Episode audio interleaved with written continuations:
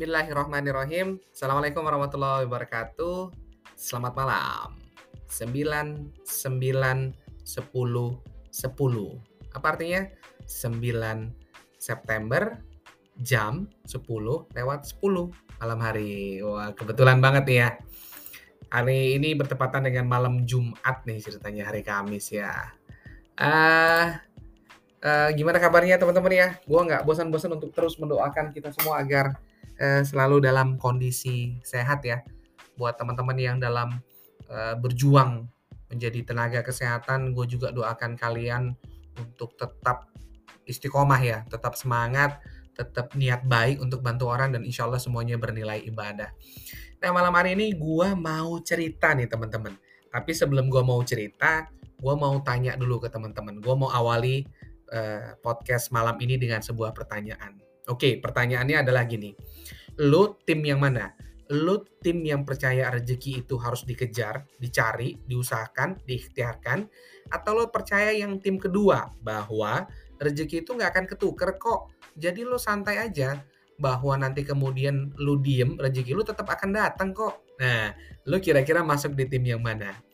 Nah, terkait pertanyaan gue tadi, ini ada sebuah kisah yang menarik kalau mungkin teman-teman ada yang mungkin udah pernah dengar, gue mau refresh aja buat teman-teman lagi. Tapi mungkin juga kalau belum teman-teman dengar, ya mudah-mudahan ini menjadi ilmu yang bermanfaat buat teman-teman. Jadi ceritanya gini, dulu itu pernah ada perdebatan antara guru sama murid tentang dari mana datangnya rezeki. Sang guru nih berpandangan bahwa rezeki datang tanpa sebab. Ingat, si guru bilang rezeki datang tanpa sebab cukup lu berserah diri, maka Allah akan mendatangkannya. Ini kata si guru. Tapi muridnya itu e, berpandangan bahwa rezeki itu harus lo cari. Lo harus berusaha supaya lo dapat rezekinya. Nah, kurang lebih gitu ya. Ini ini perdebatan antara guru dan murid. Tapi ini dalam hasanah ilmiah ya teman-teman ya, bukan berantem cakar-cakaran gitu ya, pukul-pukulan enggak, enggak, enggak. Ini berpendapat yang secara ilmiah. Nah, mungkin uh, teman-teman udah mulai dapat teasernya dikit-dikit nih ya. Jadi uh, ini cerita antara uh, Imam Malik dan Imam Syafi'i. Wah, ini lawas nih ceritanya. Jadi ceritanya Imam Malik dan Imam Syafi'i adalah guru dan murid yang kemudian kedua-duanya itu jadi ulama besar. Terkenal mereka, masyur. Mereka melahirkan mazhab fikih dalam hukum Islam yang satu namanya Maliki, tadi yang Imam Malik, dan yang satu lagi Syafi'i gitu ya. Dua di antara empat mazhab. Mazhab tuh apa sih? Ya kita anggap aja mazhab tuh kayak eh, sudut pandang, cara memandang sebuah hukum. Jadi ada mazhab A, B, C, D, ada banyak mazhab. Nah dia adalah empat yang terkenal biasanya di Islam terkenalnya walaupun ada banyak. Nah dua di antaranya adalah guru dan murid ini gitu ya, Imam Malik dan Imam Syafi'i gitu ya. Dua aliran ini uh, uh, apa namanya dikenalnya dengan mazhab Hanafi yang mengacu kepada Imam Hanafi dan Hambali juga gitu ya merujuk pada Imam Ahmad bin Hambal. Nah ini mazhab yang lainnya.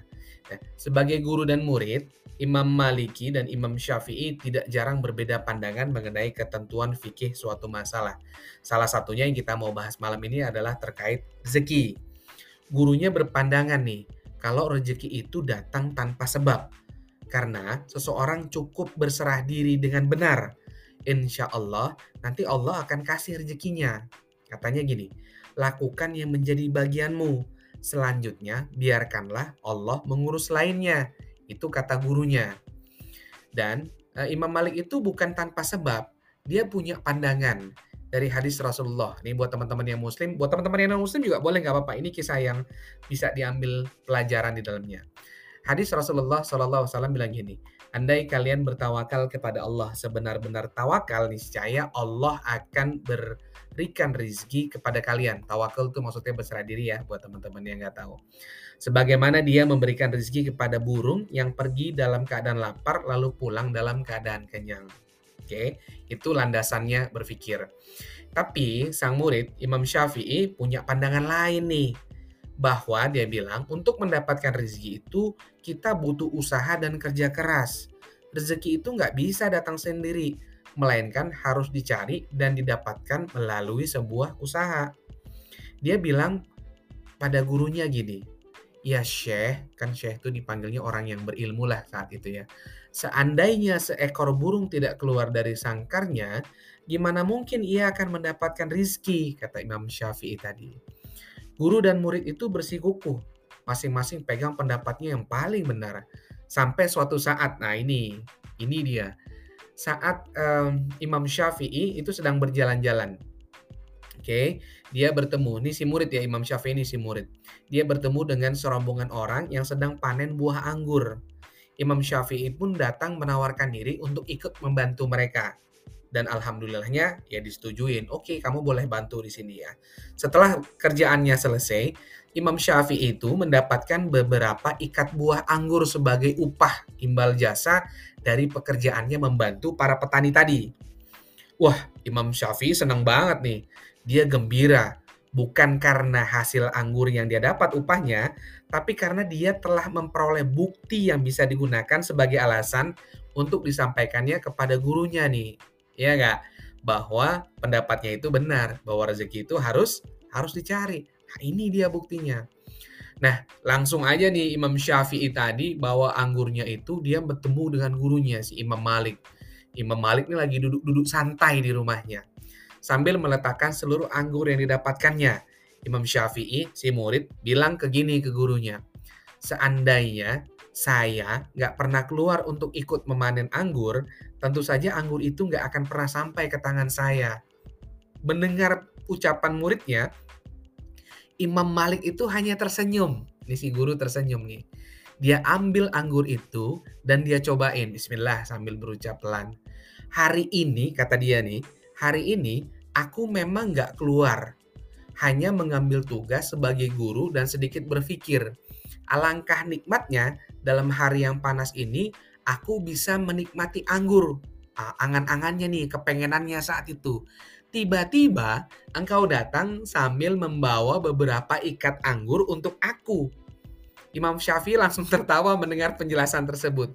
Kedua guru dan murid itu kemudian tertawa bersama. Mereka mengambil dua hukum yang berbeda dari hadis yang sama. Masya Allah. Kebayang ya teman-teman ya, guru dan murid punya pandangan berbeda, tapi dua-duanya punya teori yang kuat, punya landasan hukum yang kuat, dan dua-duanya punya praktik nyata yang sama kuatnya gitu ya. Nah teman-teman balik lagi, tim yang mana? Kalau gue sih percaya bahwa lo tetap harus usaha, tapi lo juga tetap harus berserah diri. Karena segala sesuatunya, biar lo usaha keras kayak apa pun, bahwa tetap ada dia, zat yang menentukan di sana gitu ya. Lo nggak usaha apa pun, tapi kalau yang dia berkehendak lo dapet, ya lo akan dapet. Rezeki nggak akan ke mana. Gimana dengan teman-teman? Mohon maaf ya kalau ada kekurangan karena kesempurnaan hanya milik Allah.